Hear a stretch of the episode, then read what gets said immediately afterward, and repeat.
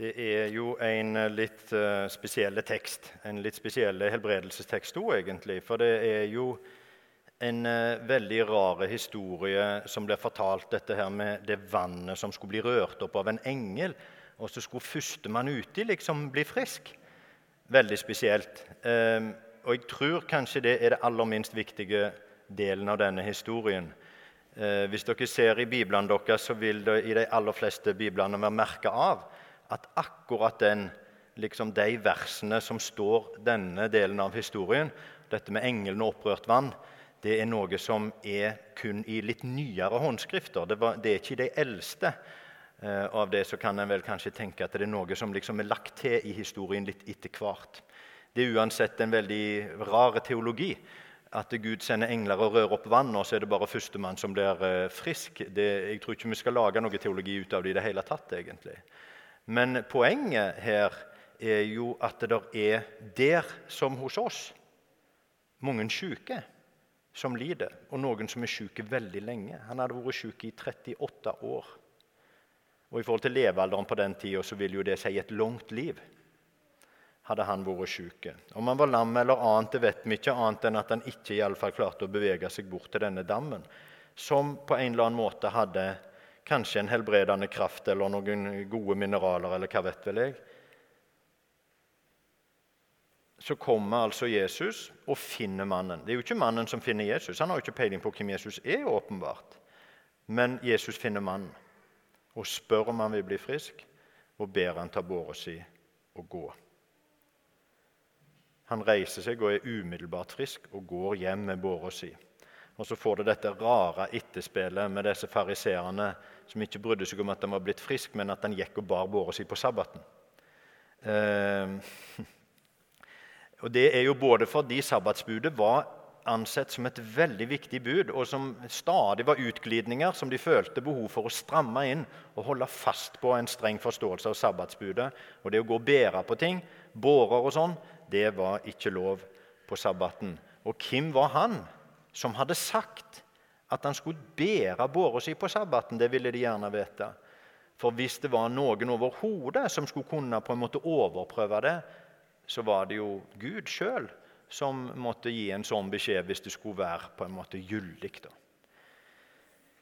Det om historien. Det er Johannes som forteller historien til oss, og Johannes er opptatt av tegn. Når Johannes forteller om underverk som Jesus gjorde, så er det i betydningen et tegn. Johannes har et oppdrag med å skrive Johannes-evangeliet. Det, det, det, er jo en tale, det er jo forkynnelse han skriver. For han vil overbevise mennesker om at denne Jesus, det mennesket Jesus fra Nasaret, er den han sa han var. Han er Guds sønn. Se bare på hva han gjorde. Han vekte opp eh, lamme og andre, altså Han helbreda syke. Og han overprøvde fariseernes forståelse av sabbatsbudet. Altså er han den han sa han var. Det er på en måte Johannes sin logikk med å fortelle denne historien. Og Denne historien sier oss mye om hvem Jesus var, og hvordan han møtte mennesker. Og dermed om hvordan Jesus er, og hvordan han møter oss. Han tok kontakt med den syke for å vise omsorg. Han oppsøkte. Han kom til oss. Han brydde seg, og han spurte vil du bli frisk, og så helbrede han. Han så hva som var viktigst. Mye viktigere at denne mannen som har vært syk i 38 år, blir frisk selvsagt, og kommer seg hjem med båra si enn å overholde en streng forståelse av sabbatsbudet. Han viste sin makt og hvem han var. Men hva med oss, og hva med i dag? Og For meg så er det på en måte det vanskelige spørsmålet med alle helbredelsestekstene i Bibelen. Vi, vi, vi skjønner det. Jesus var, han var jo Guds sønn. Han gikk rundt og han syntes synd på folk og så helbreder han dem. Vi tror på det og kan historiene. Men hvordan skal vi forstå det i forhold til oss i dag? Jesus er ikke her i fysisk tilstand. med hans kirke er hans legeme på jord, sier han, og ved sin ånd så er han til stede gjennom oss. Hvordan skal vi forstå dette? Hvem helbreder, og hvordan, og hva tid, og hvorfor den ene og ikke den andre? Det er de store spørsmålene, syns jeg. De vanskelige spørsmålene. Og, har jeg, og Dette er ikke for å banalisere og latterliggjøre, men for å tydeliggjøre. Fordi jeg tenker det at det spørsmålet som er det største mysterium i dette, det er jo det store. Hvis Jesus helbreder i dag, og hvis han bare helbreder av og til Hvordan skal vi forstå da at den ene ble helbredet av den andre? Hvordan, hva er greia? Hvordan skal vi forholde oss til å be for syke som ikke blir helbredet? Det er det store mysteriet. Hvorfor? Hvordan velger han ut, liksom? Og hvordan kan han la være å helbrede noen? Sånne problemstillinger er knytta til det ene spørsmålet, som er for meg Kanskje dere har skjønt det. For meg så er det et stort mysterium og et vanskelig mysterium. Jeg skjønner det ikke, men jeg kaller det bevisst et mysterium. Og ikke et problem eller en konflikt. For det, fordi om jeg ikke skjønner det Fordi om jeg ikke skjønner det altså, Hvordan kan jeg skjønne Gud, på en måte? Det er et mysterium. Og jeg har tenkt det, Hvis jeg kan liksom identifisere det store mysteriet og så legge det liksom i boksen for mysterier Og ikke bare fokusere på å skjønne det mysteriet, men også legge det litt til sides i boksen for mysterier. Akkurat det med hvordan, Hva er greia med at noen og ikke noen andre? Og så tenker jeg det er en annen boks som heter åpenbaring, eller det åpenbarte. Det betyr det vi vet. Er det noe vi vet? Hvis vi ikke vet det, er det noe annet vi vet i forhold til det med helbredelser, omsorg, bønn for syke i dag.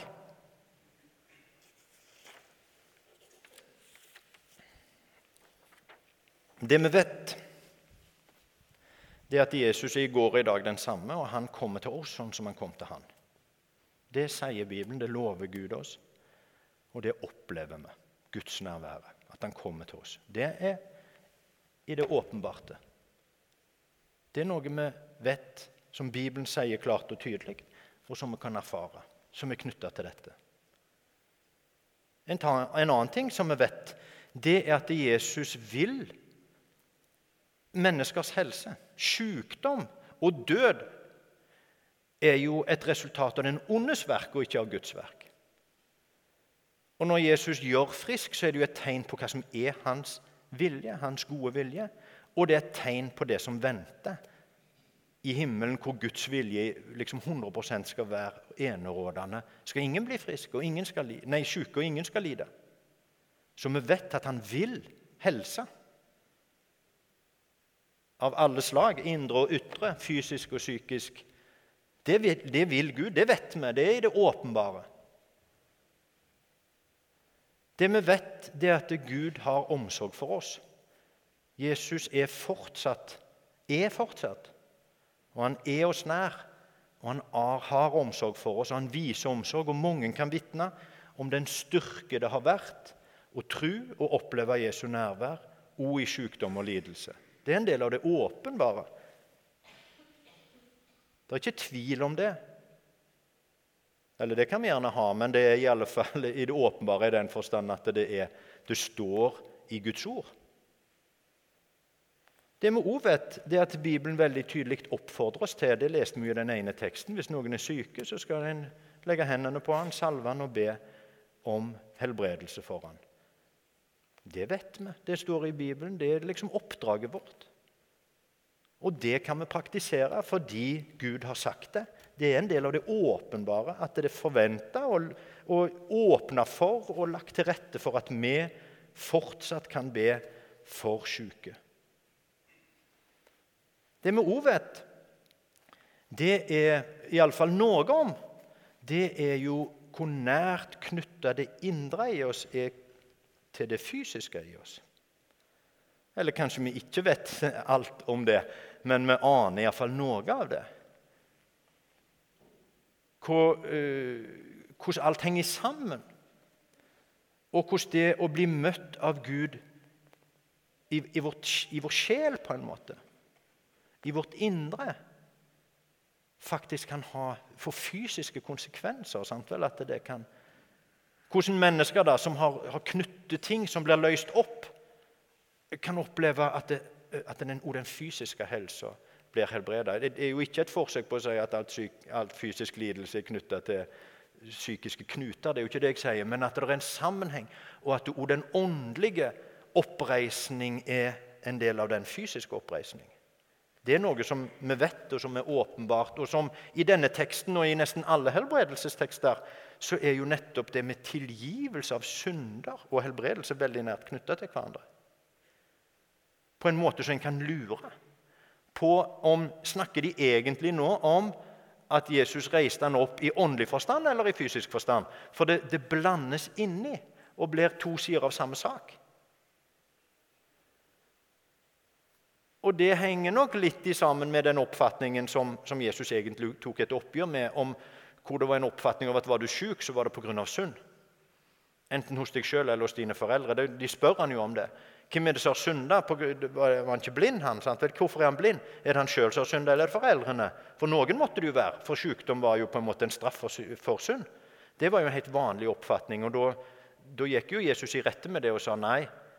Verken han eller hans foreldre. Det, det er ikke knytta til det, men for at, for at, Guds herlighet skulle åpenbares på han, så, øh, og så gjorde han han seende. da.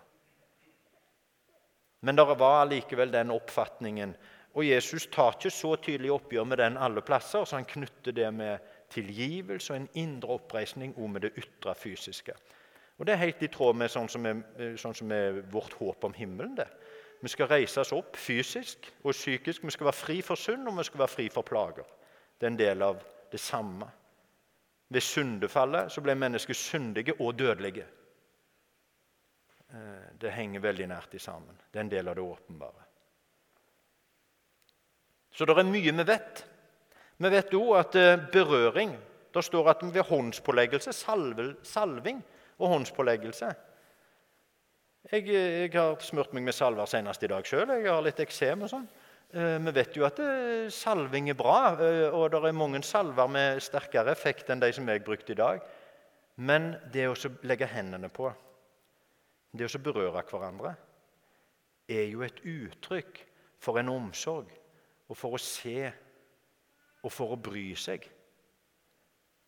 Og Det sies jo at det er de som på en spesiell måte er utrusta, for det er òg en del av det åpenbare, at dette er jo òg knytta til det å ha gaver fra Gud. Og noen er på en spesiell måte utrusta med gaver til å helbrede. Det står det jo noe om i Bibelen, og det er jo noe som erfarer det òg.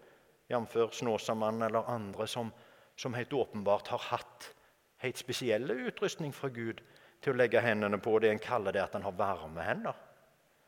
Han gjorde jo, Snåsamannen tok jo alltid på dem. Det var, han, det var jo, jeg vet ikke, Kanskje han snakket med noen over telefonen det vet jeg ikke, men det, i alle fall så, det en, så er det en veldig viktig del av det med berøringen. Og Bibelen sier håndspåleggelse og bønn. står der. Og det, og det, er ikke bare en symbolsk ting, det er jo en helt fysisk ting. Det er jo en viktig ting å berøre hverandre. Å legge hendene på hverandre. Og gjerne gode, varme hender på hverandre. Det er en del av det åpenbare. Og vi vet hva det betyr. Det er jo masse nyere forskning om det. Om hvor viktig det er med berøring av små barn som ligger i kuvøse for dem. For hvordan en må ta på dem fysisk. Hvor, det, hvor viktig det er. Eh, og for oss, da. Også bli fratatt muligheten sant, ved for berøring. Vi vet noe om dette. Og vi vet altså at oppfordringen til å be for hverandre med håndspåleggelse er i det åpenbare det er noe vi vet, det er noe vi er, har muligheten til. Noe som har, gitt oss.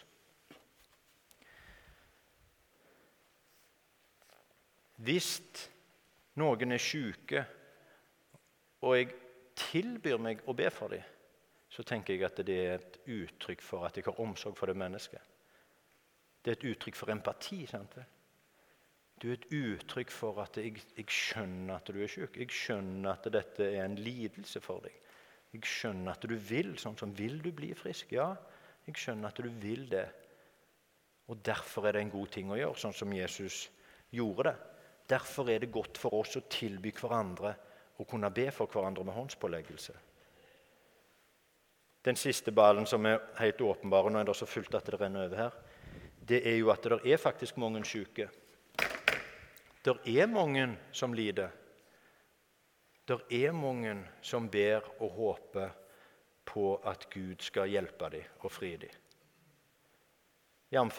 oppslutningen om, eh, om, å høre på Snåsamannen i Kopervik kirke i høst, f.eks. Utsolgt på ganske kort tid.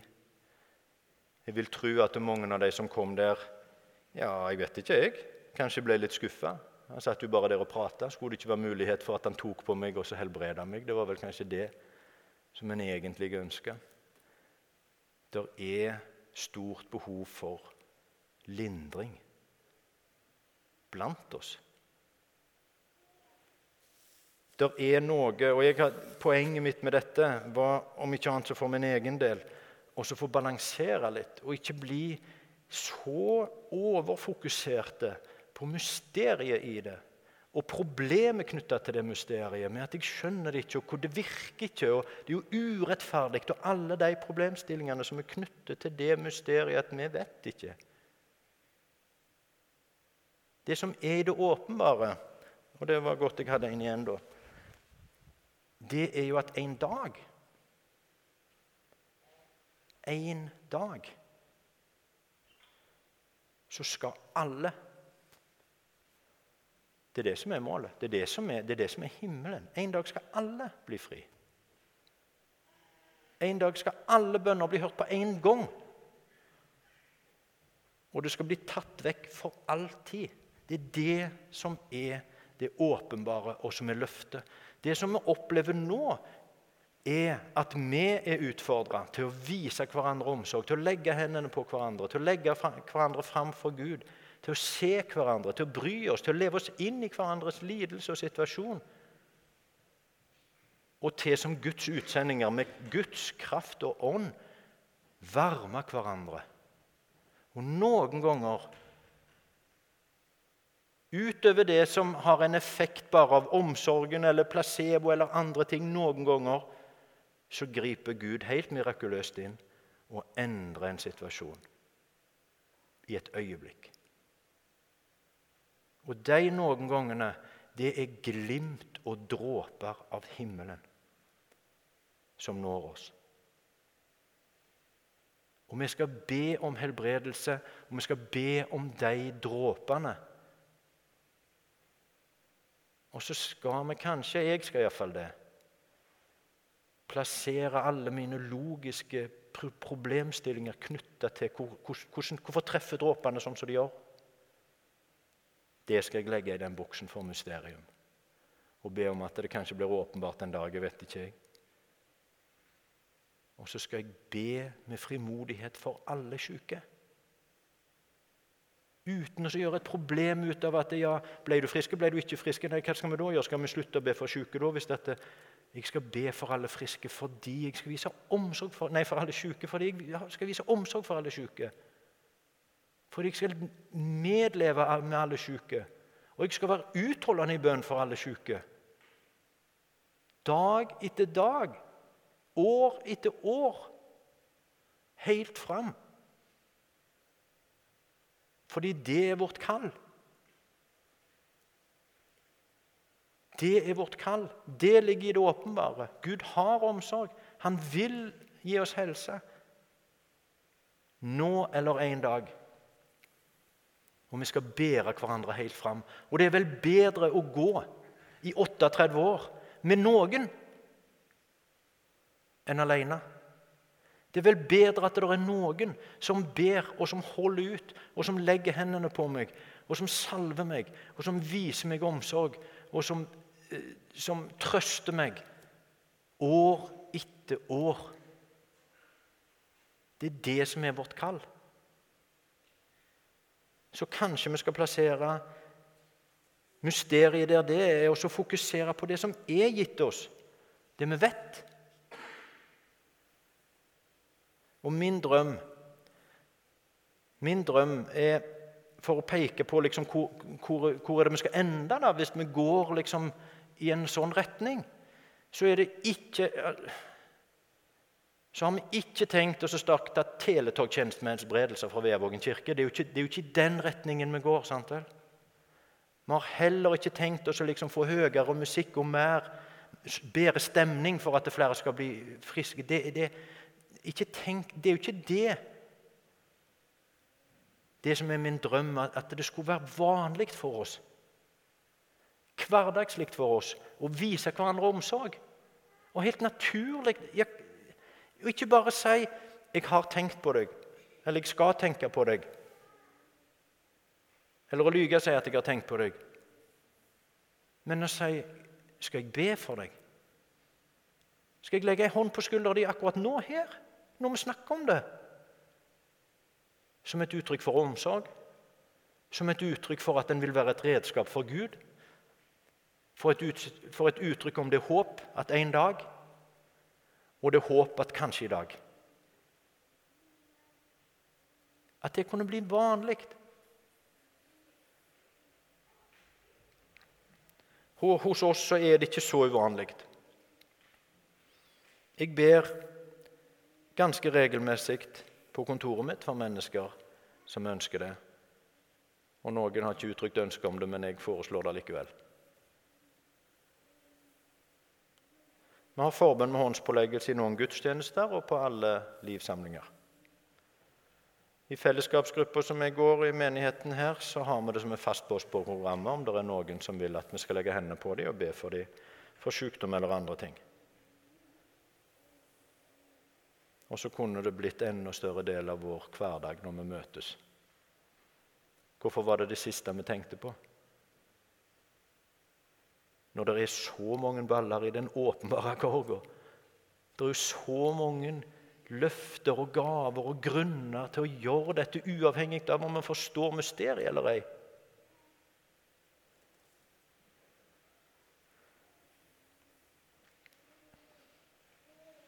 Fariseerne var mer opptatt av sabbatsbudet enn av helbredelsen. Kan du skjønne det? La nå oss ikke være det. La oss fokusere på omsorgen, på tru, på oppreisning, på utholdenhet og kjærlighet til hverandre. La oss be.